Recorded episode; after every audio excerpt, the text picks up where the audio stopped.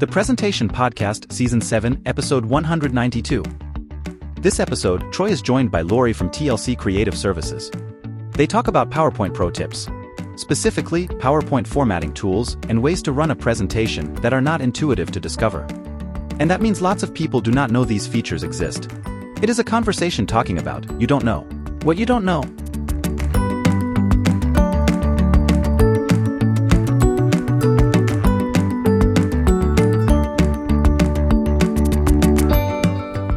Hi, I'm Troy Chollar from TLC Creative Services based in Southern California. And I'm Lori Chollar, the L of TLC, where I've just wrapped up an intense six weeks of executive presentation work with part of our team.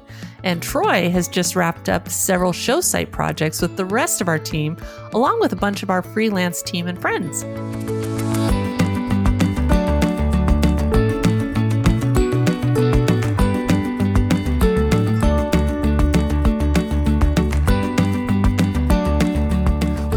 To start this conversation, I just want to say I'm excited about this conversation. First, I'm here with the wonderful Lori Chollar, CEO of TLC Creative Services, which is always a treat. So thank you, Lori, in advance for being here.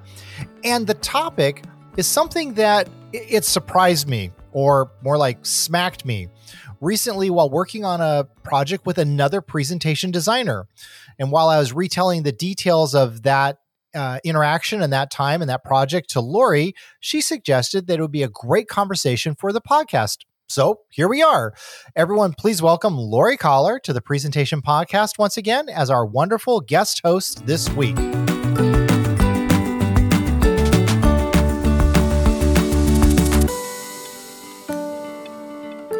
Didn't realize it got elevated to guest host. That's kind of exciting, but I'm really happy to join you here again, of course. But first, our topic, plain and simple, is that people don't know what they don't know about using PowerPoint. But let me explain. Uh, we have several new projects and new clients, and we also have two new staff members here at TLC. Uh, and we are in the midst of doing PowerPoint training with them. So, this topic is top of mind here at TLC Creative for these reasons. Um, so, with these new projects, new clients, and new staff, and from past experience, we find a lot of PowerPoint users simply don't know what they don't know. And our job is to guide and inform them of the capabilities of PowerPoint and the limitations of PowerPoint, of course. And then Troy recently returned from that event. Talking about a presentation designer that had been working inside a bubble. And while wonderful person, they just didn't know what they didn't know.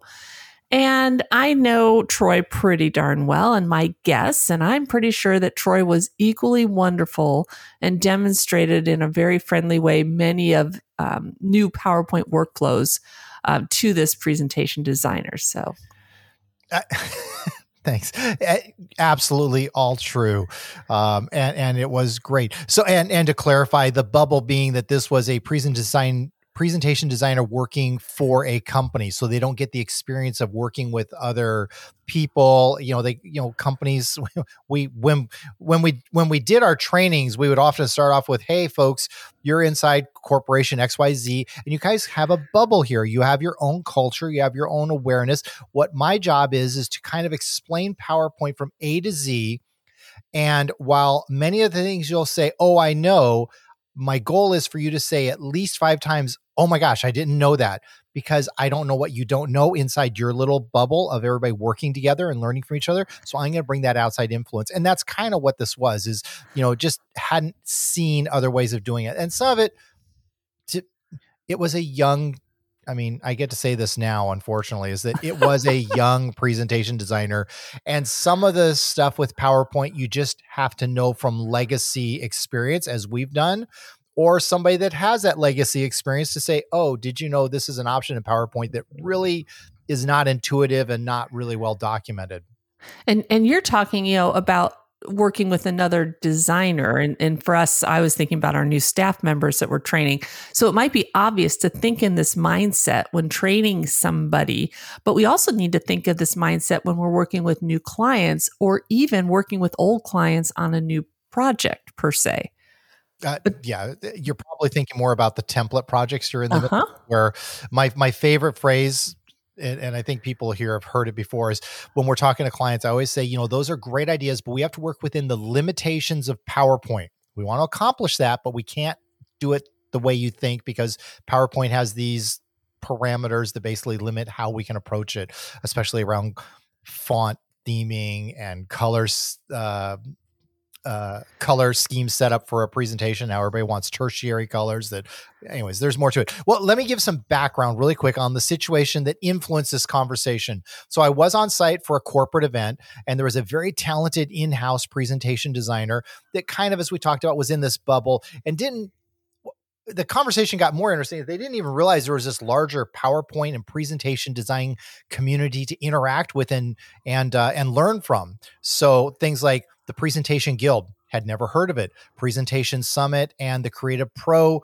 conferences had never heard of it, even though we're at a conference list, a person that knows about conferences in a corporate mindset, but just wasn't aware that there was even like this bigger industry in presentation design and this this is a very talented uh, person really knew what they were doing so it, it was it was an interesting interaction enough so that you know, you and I, Lori, talked about it. So throughout the week, I kind of found myself offering tips on PowerPoint formatting, running a presentation, uh, Windows setup. It was, you know, we, the, the the show computers were Windows, and I have a feeling this person is more of a Mac based designer because a lot of the Windows settings they translate across. As a matter of fact, on that vein, um, with our new designer who comes from a Mac platform background we're talking just oh my gosh, was that just yesterday? Okay, so this is early morning, folks, and it was just yesterday. I was in the studio, and we are talking about um, how to. Uh, well, I was going to proof a video, and they they went to turn. You know, they turned on the speakers, and they were going to unplug the headphone jack from their from the headphones they're using. Go, no, no, no. Just like a Mac, you can control. Like you can totally leave everything plugged in and route which is using. And what we kind of said that made it easy is like, okay, whatever's in the top right of the Mac interface, you know, where you're going to get to your Wi-Fi and you know your microphone or your speaker settings, like it's pretty much the same thing, just down in the lower right, and you access it that way. So in this case, I, I quickly showed that you could just change the routing of the audio from your headphones to the speakers on the desktop so that I could listen. Then you could route it back and you know it you don't have to unplug and plug things and it was like oh my gosh that's fantastic i had no idea windows was that flexible it's like you know they, they work back and forth. So anyways same thing here. This is a person that that i dealt with at an event that was kind of in a bubble and i would say things like i didn't realize that was an option. So there's so, the background i have. Yeah so you're working with somebody a designer and meanwhile i'm working with in a different scenario an older client um, but on a new template project. And it's clear that they are still working the way that they worked 10 years ago. And we're talking you know pre office 365 pre teams um, and while it would be easy to simply update their template with a new design, I had to take a step back and realize there was a lot they didn't know about how we use PowerPoint in today's world. Um, and hence, yeah, hence we had this great conversation. So between new hire training, new and old clients, and Troy's recent interaction, Troy and I put together a list of 10 pro there's air quotes there pro powerpoint tips that are maybe not 100% intuitive and things that people often learn from someone else or observing someone else do it and our goal is that um, people walk away going oh i didn't know that so Hey, I will say that this list we put together, well, it's fantastic. It's so fantastic that I've actually translated into a blog post series. So after this airs, you'll start seeing the next uh, 10 blog posts, well, except for presentation podcast announcements. Um, you know, so I'm going to put them all out there with a little more in depthness to them. So if any of them are, is of interest, you can go over to the presentation. No, no, no. That'll be the other way around. This is the presentation podcast. You go over to the powerpointblog.com and uh, and search for it, and you'll find the uh, these 10 items a little more in depth, kind of more tutorial based. You are so organized. I, it, it's awesome. Everybody's like, "How are you doing?" A, I mean, this podcast has been going. We're in our ninth year of this podcast, and and you know, we Sandy Nolan and I often joke we started as a six month experiment because we thought we'd run out of ideas. And can you talk about visual design in a you know in a format here that's just you know basically radio voice and um and then the same thing with the blog. I started it and it's been going since 2000. Oh my gosh, 2006, 2007. Never an end of topics. It's, you know, because the presentation industry changes, the programs change, the add, I mean, it's just so anyways this was an easy one. I was like hey look i've got a month of ideas right here lined up. Thank you lori. All right. so, okay. Okay so let's it. let's yeah i was just gonna say let's get started and let's start with a simple tip of revolving around starting a presentation because I know okay. you just you just shared this. So okay, so let's start with what the common solution is. You go to the slideshow tab in PowerPoint. Obviously, you go to the slideshow tab, and there are two buttons: from beginning and from current slide, and that's how people start it. Or if somebody is advanced or they think they're advanced, they noted in the lower right hand corner there's a single icon there that is also slide start slideshow, and that's the same as the from current slide.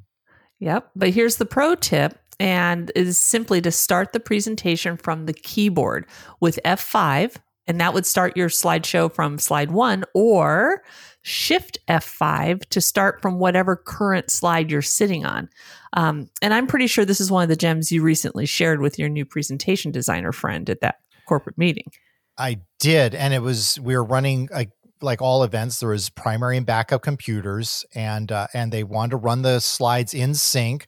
Um, so you know we'd jump out and make an edit, which was a whole nother story. But you know to run them, he would always be you know grabbing the mouse in the dark. It's like just use the sheet, the, the keyboard commands, and you know shift F five, and you're you'll go from there. He's like, what are you talking about? And it was awesome. Now I will clarify on all of our show computers, we didn't supply the computers to this event we actually have on our computers across uh, across the board. I think even our IT computer and our accounting have them. We have yellow dots on the where the F5 button is because you can find them more or less in dim lighting. And then we have red dots on our computers to identify where the USB ports are and I think it's a blue dot for where the USB C. What's really funny is my laptop lid is closed because you know I dock it here, so I don't need these things. We have this color coding on all of our things. So I was what I really wanted to say is just push the yellow, you know, where the yellow dot is, but there was no yellow dot. But anyways, yeah, and and that was like, oh my gosh, this is so much quicker and easier to get into presentation um, quickly. I was like, yes, it is. But you have another way that you start presentations. Well, okay. The pro pro tip option is to have a Stream Deck, uh, you know, set up and programmed on your computer. And I travel with a Stream Deck. I have a Stream Deck XL right here in front of me, and it has a PowerPoint profile. And I literally just have a big globe button that says, you know, start presentation. Uh, you know, from current slide or that. So I just have two buttons in front of me on my Stream Deck, which is way cooler and easier and fantastic when you're in low light backstage scenarios because the Stream Deck is backlit. And I could say so much more about Stream Deck, but let's move on to tip number two. Okay, so this one also came up as we are doing editing, and it was um I think everybody knows about image cropping, you know, and and, and this in my opinion was one of the turning points for PowerPoint to make it a true image editor, the ability to click on an image, click the crop tool, and be able to crop in any side you want, and then also reposition, resize within it. It's a really nice interface and it works very, very well. But what wasn't being done, and it was just like, you know, like you're sitting on the background going, I got, I got, I can't, oh my gosh, I got to help. No, I can't. I, mm. I finally said, okay, could I just offer like an option here? So they were all headshots and we we, you know, we had to size them in. I'm like, okay, just hold the control key down while you drag that crop tool, and the control key crops from the center. So the left and right will equally go in together, and the uh, or the top and bottom will equally go in together. Uh, and then, then I really blew minds when I said, you know, now we're going to use the crop to aspect shape option as well, combined with that, and you you start with a square and you just crop into a square. And and you. Sense? 100%. But here's the thing, and I'm going to humbly admit, you were describing this to me, and I think my my head flew off because I had completely forgotten about the crop to aspect ratio tool. And I am constantly, when I'm doing org charts and things, you know, having to take a, a square rectangular picture and you, know, you want to put it in a circle and you want to, you know, crop it nice. And so thank you for that reminder. I, I forget these things too. But I love, I go to change shape to make it oval. Um, and then I will go to my size and and go to the I'm sorry, Let me start that over. Well, that's the thing. You'll get an oval, but then Yeah. you use the crop one to one ratio and you end up with a circle. Then you're guaranteed to have a circle. Exactly. So, and then I I use the make si- same size, which is another add-in to make all of my people circles the same size, and uh, and I love it. Definitely as a combination. Very powerful cropping tool, and I think sometimes we forget. Okay, so image image cropping was was mine. And what's a tip you have that that's kind of a pro PowerPoint design presentation Yep. use tip? And this is something we discussed like i think it was last month so powerpoint it i i'm a very lucky girl because of of my my setup here powerpoint is pretty much magically just set up for me and that's all thanks to you troy because you've created this tlc master setup and our IT manager, you know, helps manage that just to make sure that every computer in our TLC world um, has the same setup. So I don't think I realized that the PowerPoint eyedropper formatting tools were not turned on by default. They're that they're that they're added to the QAT. They've just always been on my QAT, and I just know that, and I use them constantly. Uh, yes. Okay. For context, and this applies to Lori, for those that worked in PowerPoint 2003 or earlier, yes, I did. The formatting I tr- the formatting eyedropper tools, they were like a standard tool. Everybody used them. But for those not familiar, if you're, like, what is the eyedropper tool? It's because the eyedropper tool itself, the for the eyedropper formatting tool, um, it's like a persistent format paintbrush to give it a context because you're probably familiar with the format painter. Um, but in this case, what you do is you get to pick up and it holds that formatting option in memory until you use the tool the next time. But here's the thing about it.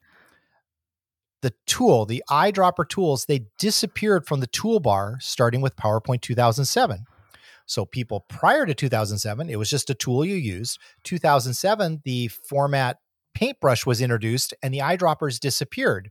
So if you don't know about the eyedropper tools, you're not going to find them on the ribbon.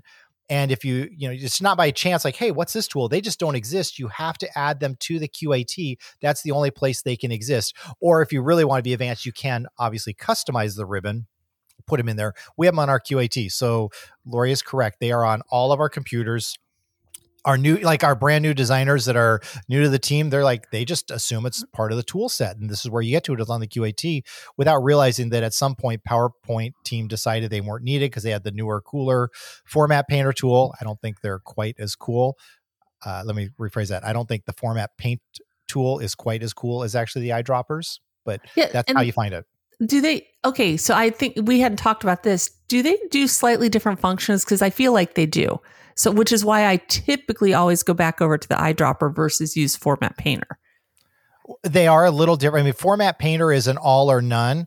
Now, the eyedropper tool, if we really want to get into it, I guess I'm going to cover this in the how-to tutorial in the blog post as well. And then I'm uh, to have my notes. It, it's like a two-level thing. If you select text, like you click into a box and you have text highlighted, it's only going to pick up the text attributes.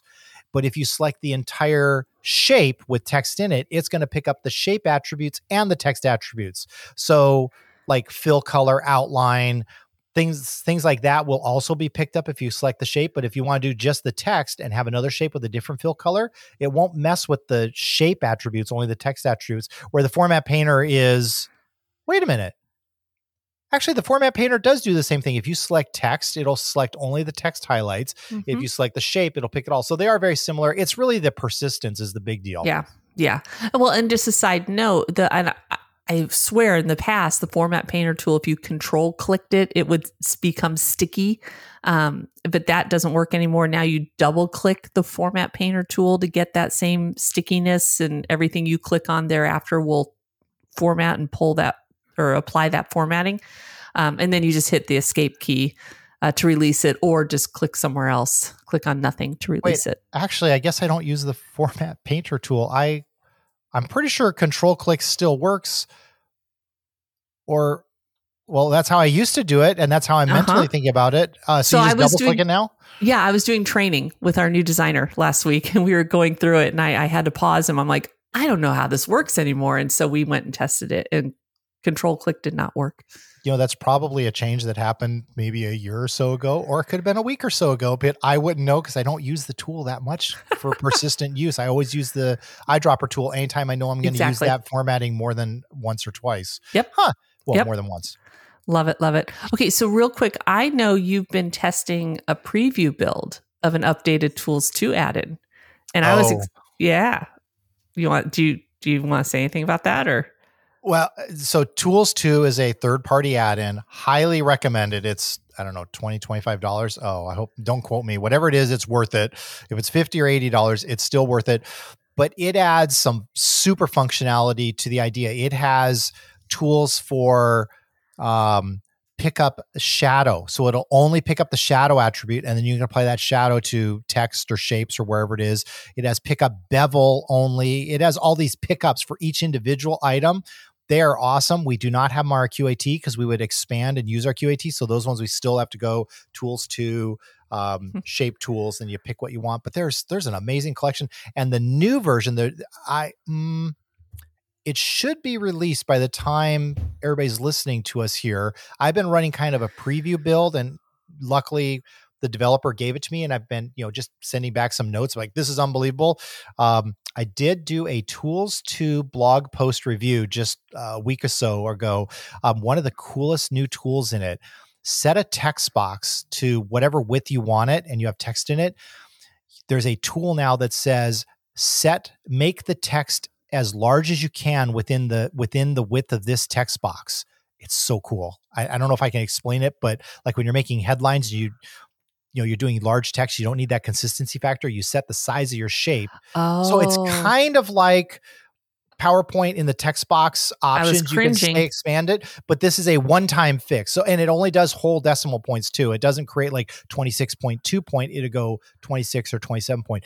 It's a really cool formatting tool. I just used it um, while I was doing a bunch of uh, uh, quotes. You know, we had inspirational quotes, so the fonts could be different sizing, or you change the font and then you just reapply it, and it makes the text as big as that text box. It's it's a cool idea. It's a really really intuitive, smart tool. But anyways, yes, to Lori, to your now that we're totally sidelined. Tools two just released an update. They have a lot of new tools, but in their tool set is all these other ones that are basically pick up specific attributes and allow you to apply I them use throughout, them like shadow only, all the time.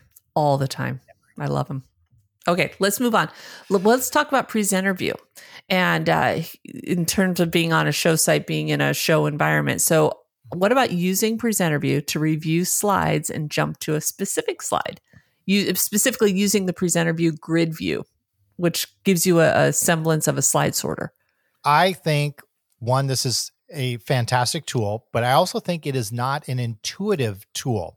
As example, if you're in presenter view and you click the grid view icon, which is basically slide sorter view, only the presenter view, only your local monitor changes to sl- show the slide sorter.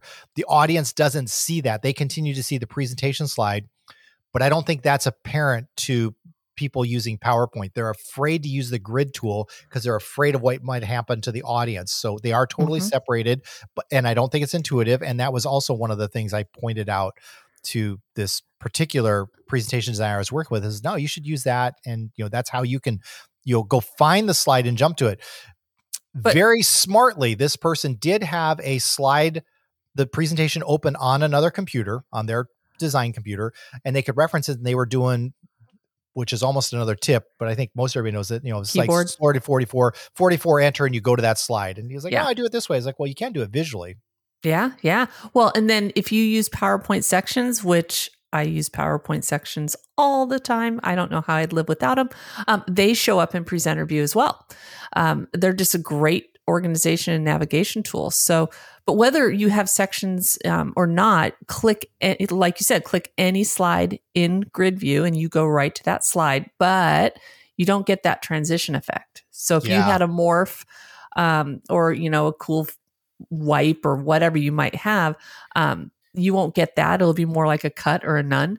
Um, but any animations on the slide will still continue to play, you know, as usual. So That is a good caveat is that if eh, same thing, if you punch in the number and hit enter, or if you use the grid view to basically jump to another thing, transitions are ignored. It's just none. It's just a cut, which is yeah. kind of a bummer. Well, it makes sense for Morph because you wouldn't have the previous slide. This well, that's very well, true. And it's probably a But- good thing actually, but Well, Yeah. but then again, morph also is defaults to a fade. If you morph from something that has Ah, nothing, it's just a fade. So I I would prefer it almost be a fade effect, or I- I would prefer just to actually respect the transition applied. agreed. Okay, number five in our list, and I'm just going to say add-ins are amazing and make our jobs so much easier, so much faster when it comes to design work. Um, and you just kind of need to, as because we're talking things you don't know that you don't know. If you don't know what add-ins are and you don't know what add-ins can do, like specific sets, so I'm thinking slidewise. If you're not familiar with slidewise, you just don't know that there's a way to image to audit all the images in your presentation. There, you don't know there's a way to audit all the fonts as well as change them out easily. It's just you don't know what you don't know. The Thor hammer, by the way, free add-in, folks. Everybody should have the Thor hammer.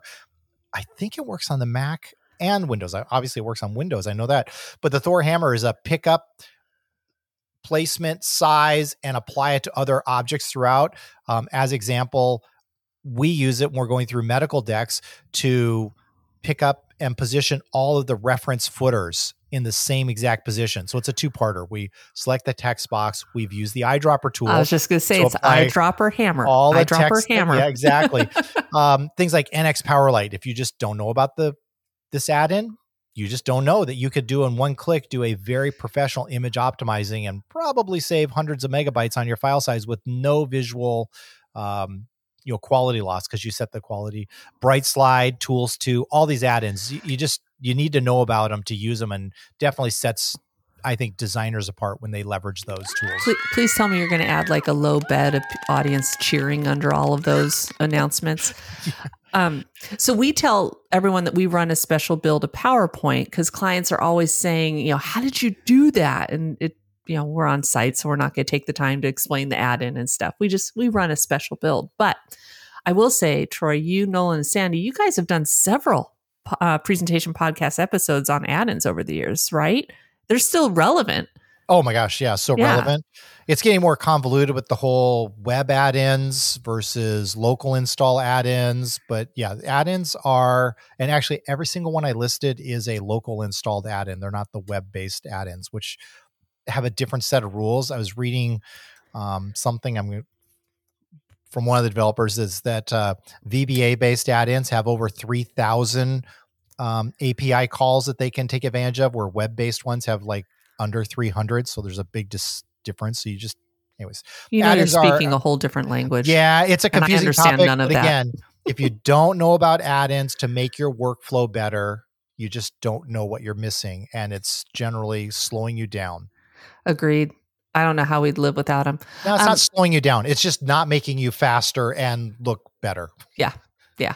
My my favorite compliment. I, the you can make my day if I'm on site and a client goes, "How did you do that so fast? You're magic." I love hearing that, and you it's say that's why you pay me well to do that true. for you because you shouldn't have to okay moving on Okay, moving on. Um, I want to actually go back to presenter view because there's one thing that I do quite often that I think is is pretty unique. Maybe I I don't know, but it's swapping presenter view during a review meeting. So the situation is you're, let's just say we're in the boardroom, and so you're extending your desktop, so everyone in the room is seeing the slideshow on the monitor at the end of the room, but on your local laptop you're seeing the presenter view, right? But someone has a quick question about the script, which by the way is in PowerPoint notes. This is a standard operating procedure for us. What's awesome is rather than having them come run back to you at the, you know, where you're sitting at the table, you can right there in presenter view swap the presenter view. So if you go up under display settings up there, there's a little bar and there's a simply swap presenter view and slideshow. And now everyone in the room will see the presenter view up on the monitor up front and you're seeing the slideshow on your computer. But now they can see the PowerPoint notes. Um, my only caveat is obviously do not do this during a live meeting, but I do this often and it's a great quick fix to give them a chance to look at the scripting. Uh, and conversely, a lot of times you have presenter view in one of the confidence monitors. So if they're on the stage and it's not a review, it's you know they're doing whatever. They can already see the presenter view. But did you know, folks? And this is assuming you have the M365 version that supports it. It's not fully rolled out. I don't quite understand where the dividing line is, but did you know you can edit PowerPoint notes right in presenter view? So you just click there the the the little bounding box becomes a bolder white line and now you can type and edit in present you can type and edit your notes right there. Amazing amazing feature update. I have no idea why it's not rolled out to everything. I know it's not on the standalone or the older versions but you know if you're on a, subscription m365 version but it's not on all of them. Um Mark, the computers i was just working with different from the event we started with, but the one I was working on last week, they did it couldn't do it. And I was looking to send the presenter a a note because we had presenter view and basically I was going to say, you know, it's time to wrap up. I was like, ah, no problem, folks. I can just click here and type that in and they'll see it instantly. And I'm like, oh, never mind. These computers don't support that. AKA, you should probably, or also known as, use our show computers because we know what the capabilities are. But yeah, that's a really, really cool feature. In addition to what you're saying, Lori, is that you don't have to escape out. Yeah. Um, do you want to mention our really cool workflow of how we integrate Microsoft Teams and where collaboration files no, that's good. That, yes, but let's let's keep moving. Let's keep okay. moving. Okay. Real quick, if you want to cover it, what are we? There are a couple gotchas though about editing PowerPoint notes in Presenter View. You mean like running the slideshow? Yeah, exactly. Oh. So if if you're in a slideshow setting and you're trying to desperately throw a note in there for the presenter, you've taken the the emphasis off of PowerPoint. Right. Well, so the the advance and you can't yeah. you can't advance if if presenter view has that bold white line, you cannot advance or your animation or your slide in any way. They have to wait for you to click back to regular presenter view or put the focus on the slideshow again. Yeah. Yeah. yeah. That's really good point. And it could be it could be a big gotcha that suddenly somebody's clicking or wanting to go forward and you can't do it because you have the wrong thing highlighted. So right. Hmm. Right. Yeah. Okay. All right. I have, we're, we're on number seven at this point. Wait, one, two, three, four. Yeah, we're on number seven at this point, And this is a random window setting, but it has come up several times. Um, it, I actually just talked to a, uh, talked about it with our, our IT manager, TLC, you know, staff IT manager. And I talked about it with, uh, with somebody on show site this is assuming you're set up using a extended desktop. So, you know, the slideshow is displayed on the external monitor all the time and your you know your your editable view or your presenter view is on yours. In windows you want to right click on the taskbar go to edit taskbar settings and you want to turn off windows taskbar from external monitors. So the little bottom bar with the start menu and all your apps and the time of day and stuff. By default windows has it turned on on all your monitors thinking that it makes you more efficient. If you're working on your right hand monitor you may want to switch apps and you'll do it on there. Well the problem is, is that presenter the slides themselves cover it up but if you jump out or you you know you show your desktop or you roll over the taskbar on your screen it shows it on all the screens um, so you just don't want the audience to see that taskbar. So you need to do a setting change in windows to make sure that it is not on your slideshow monitor. That's awesome this is another case where I never think about it because my computers are magically preset. but is- on the rare occasion when that darn taskbar is showing up, um, I'm either referencing your blog. It's on your blog, right? Oh yeah, yeah. Yeah, I'm either referencing your yeah. I either reference your blog or more than likely I send you a quick Teams chat for help. it's a good one. You are probably finding, I should probably do a quick search here, but you're probably finding a blog post from like five years ago or more, maybe 10 years ago. Um, you know, the caveat is, and this is really interesting Windows has it turned on by default. Mac, you can turn it on on all of them, but it's off by default. So you have to physically go in. So again, that's this is one of those areas where the Mac is just more efficient or better for the presenter because yeah. it's not going to show you those things. Yeah. All right. Well, that that does bring to mind our next tip, um, which is good for Windows or Mac, but it is setting your desktop background to the presentation theme. So when you're not in slideshow, the audience will continue to see a meeting related theme. Does that make sense? A meeting related image? Absolutely. It's it's like critical. There there are so many ways to leverage this, but you know, we, so here's a cool tip to go along with that. So, you know, make your meeting theme, make it slide number one of your tra- of your presentation, so you can go so you could exit the presentation. So now your your extended desktop's just going to show the theme. And when you restart the presentation, start at slide number one. So it's going to basically go theme to theme. So it's invisible to the audience. And then you manually you use presenter view the grid view or you manually punch the number of where you want to jump to in the presentation to resume. But here's the tip. Make sure slide number one is set with no transition because if there's no transition, it just appears and it's literally invisible to the audience that you've gone from your desktop to slide number one. If you have a fade transition or a white transition, it does it from black into that. So now the screen does some sort of visual effect, and you've kind of spoiled the fact that you were making frantic changes in the background and helping a client do their thing. Yeah. So there. Yeah. And th- this is absolutely standard operating procedure for almost every show or meeting I do. And by setting my desktop to that presentation theme, I've just added an additional layer of protection in case the person handling the switching isn't paying attention, for example.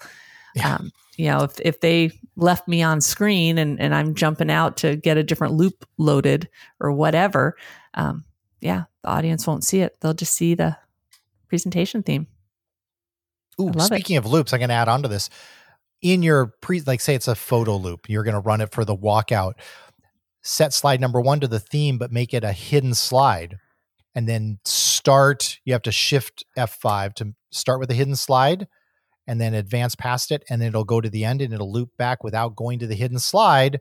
So you can seamlessly start that loop and then run into it. Okay, now I'm getting way too beautiful. Techy. But it, it, these are again the pro tips of power. If you don't know about it, you wouldn't know about it. Yeah. Um, Okay, number nine, and I'll let you handle the last one, number 10, or provide the last one. So, okay. this is kind of another equipment thing. Obviously, uh, uh, something I like to deal with is all the all the equipment. Use a PowerPoint remote to advance your slides. I mean, it's just you. Your keyboard is great, but there are things like the home button, the end button that are right next to the arrow keys in most cases. You can uh, you can hit the wrong button and suddenly be out of sync using a remote gives you better control because it's only forward and back. I don't like remotes that have the blackout button or anything else. But even better, and this is for our scenario where we're running two computers in sync. So there's always a backup option. You know, if computer one has a problem, PowerPoint freezes. It's usually not PowerPoint, it's usually a Windows thing or something, or you have to make an edit on. We're always running two computers in sync. Get a remote that can connect to multiple computers to run the meeting. So one click, am I saying this right? Yeah, one click from your mm-hmm. remote will run will advance both the computers in yep. sync forward and backward. Um it, it's it'll set you apart. It, it's a pro tip. If you don't know about it, you don't yep. know about it. And you do that with the dongles. So you'd have your little dongles plugged into Exactly. Yeah, yeah, exactly. My only addition to that is just make sure you have extra batteries. I'm just saying. it's happened to me twice in the past couple decades. I've got one more. You're number 10 of the okay. top 10 list. Well, I don't know if it's a top 10. It's just a 10 No, list. it's just a 10. But but this is an animation tip. So I, am hoping I can describe this well. Um, so in the advanced animation pane, you know, the one that's always up on your right, uh, you can select a group of animations, such as like picture a waterfall animation where each item is fading, you know, with a, a 0.2 second overlap. So if you select and move the animations, they all flatten out to start at the same time. I'm sure we've all had that happen. But instead, I add what I call an animation marker, and it's it's just a, a random box I draw somewhere off the slide, and I add a you know an appear animation to it, um, and I set it to be with previous. I move that little animation marker within where I want it in my waterfall animation at the start of the timeline where I need it to start. Then I select all the animations that I want to move as a group and I simply drag them to just under, just after that animation marker. And all of their um, start times, they stay in position and they flip to wherever I put my animation marker as a start. Did that make sense? to me it made sense anybody that's listening and it doesn't make sense this is the absolute most powerful thing you can do when you're working it with it with a lot of animations because you know if you have a four bullet you know four bullets and you want them to just kind of appear appear appear appear appear or no fade on fade on fade on fade on with a nice little overlap you got to set them all to with previous you have to manually adjust them there are a couple of add-ins that'll do it for you um and and it takes time and then you go to remove you go to move that animation to a different starting point and you lose that nice little work you've done. This is the way to preserve it. It is unbelievably powerful i will have a tutorial for it with a little video showing how it's done but i will also say this is definitely Windows based. This is one of the areas Mm, where the yeah. Mac and Windows versions of PowerPoint are distinctly different. I cannot work on the Mac animation pane. It just doesn't have a timeline feed. It, it- it's just not. I mean, not that I'm saying the Windows animation pane is great. It is woefully inadequate. It hasn't been improved in years and years and years, and it needs it. But the Mac one hasn't even caught up to the woefully inadequate Windows one. All the same effects are there, but how you would do this type of advanced animation work to create more cinematic uh, visuals, it, it's really hard on, on the Mac. It's so much more work. Well, and one thing to note that animation marker, I I then delete it when I'm done. It doesn't stay around. It's literally just used to to put it in the right spot and then Mhm. move all my animations to to the position I want. But here's one thing I else I also do with this. If animations get really complicated, if they get really complicated, by the way, I'm naming all my layers in the selection pane, but that's for another day. Um, I will often, you know, create a shape or multiple shapes off the slide, and I will add a, a, a long fade animation for a second, and I will literally la- label that shape two second pause. And then that literally shows up in my animation pane. And let's say I do need to add a two second pause rather than moving all my individual elements to a two second pause. Sometimes I'll just put this box Mhm. in my animation. It's off the slide. You never see it animate, but now I've got this easy to manipulate, easy to adjust um, piece of animation. And then just to caveat instead in the the animation below it that happens after the two second pause it it's with an after Yes. previous animation not Thank with you. previous so yes. if you change that to be a three second pause you could change the timing and just relabel it and you would have a three second delay Yeah. correct Yes. Yeah. And and this is probably a terrible tip to try and share with voice only, but hopefully someone gets it.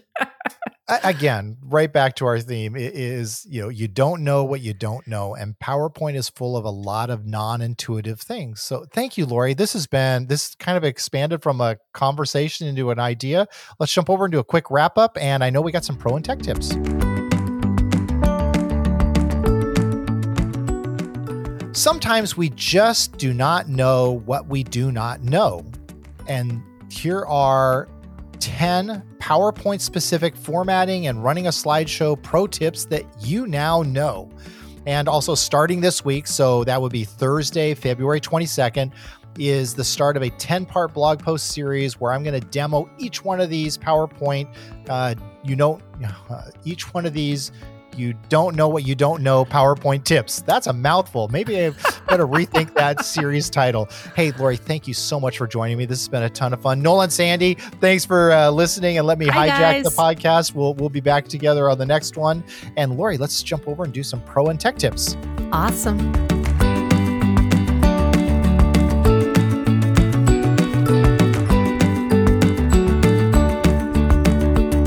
Troy, you give yours first. Okay, pro and tech tips. Mine's a pro tip. Um, and and here's the tip: ditch your iPhone charger. It's a big white block with a single port on it. Instead, spend 20 bucks and get for about the exact same size a multi-port charger. So I have one in my hand here. I literally just pulled this out of my out of my computer bag. It is a quick charge 3.0. So this is a 40 watt charger.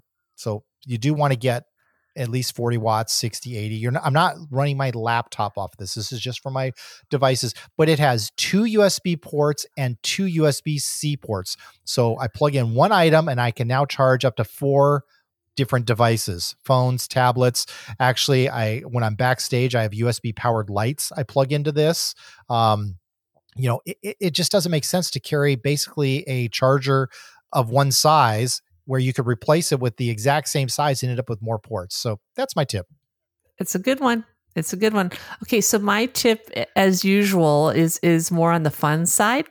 Um, so for Christmas this year, Um, I my daughter gave me one of those new fancy schmancy bird feeder cameras. You know, the kind that give you an alert on your phone and send you a video when you have a bird uh, visiting. And there's a ton to choose from on Amazon. I know Bird Buddy was was a brand name one. I don't I don't know about that one, and I'll put a link of the one I have, but my only caveat is just check the reviews on uh, the associated um, identification software because some of them people are not fond of. But anyway, I love my bird feeder camera. It is so much fun to see the different birds, except for when the pigeons come, because all you see is a pigeon butt, and it's really quite funny. Um, but a caveat to that is if you really are geeky about birds like I try to be, uh, there is an app from Cornell University called Merlin Bird ID Troy and I use this all the time when we're traveling and stuff, but literally. Oh yeah, yeah. We use it. All, it's all me. I'm all about this. Oh hush, hush. I, I you ask, you're like, oh, that's a cool bird. What's that? And I so do. I, I do. I get my app out and it literally steps you through your location and some basic parameters and it gives you a list of potential birds and it's so much fun. So I'll put the links. So just to give a visual, it's a bird feeder with the little, you know, the food area and where the there's a big fisheye or there's not big. There is a fisheye lens at the back of it. So when the birds sit on the little stand racks out front, you get this thing. But what you also need to know is it's recording the birds. So it's it's a video recording with the sound. The birds are very close to the microphone. so if you're in the car Sorry. And say your wife is playing, you know, her phone is connected to the car and playing Spotify and you're listening to music and you're having fun. And then she decides to check her bird feeder app because a new bird has landed and you suddenly sound like you're in the middle of the, the movie The Birds because all you hear is bird chirping going through the whole, you know, 12 speaker yeah. car system. Yeah, that's a little bit of something. Yeah. You stayed on the road though. So you did good. It's a good, it's a great pro tip. The pro tip is happy wife makes for a happy family, and she's happy Aww, with it. I love my bird camera. Dang it, I thought she was going to say she loved me. I love you too.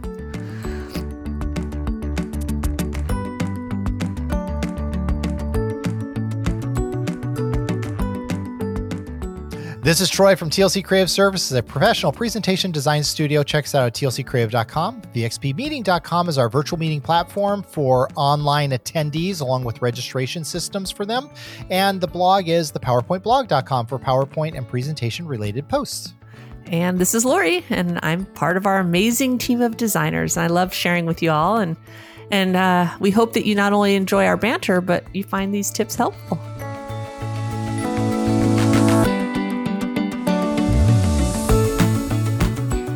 These are 10 fantastic PowerPoint Pro tips, and I am excited that we get both a podcast and a blog post series. Thank you, Lori and Troy, for sharing with us.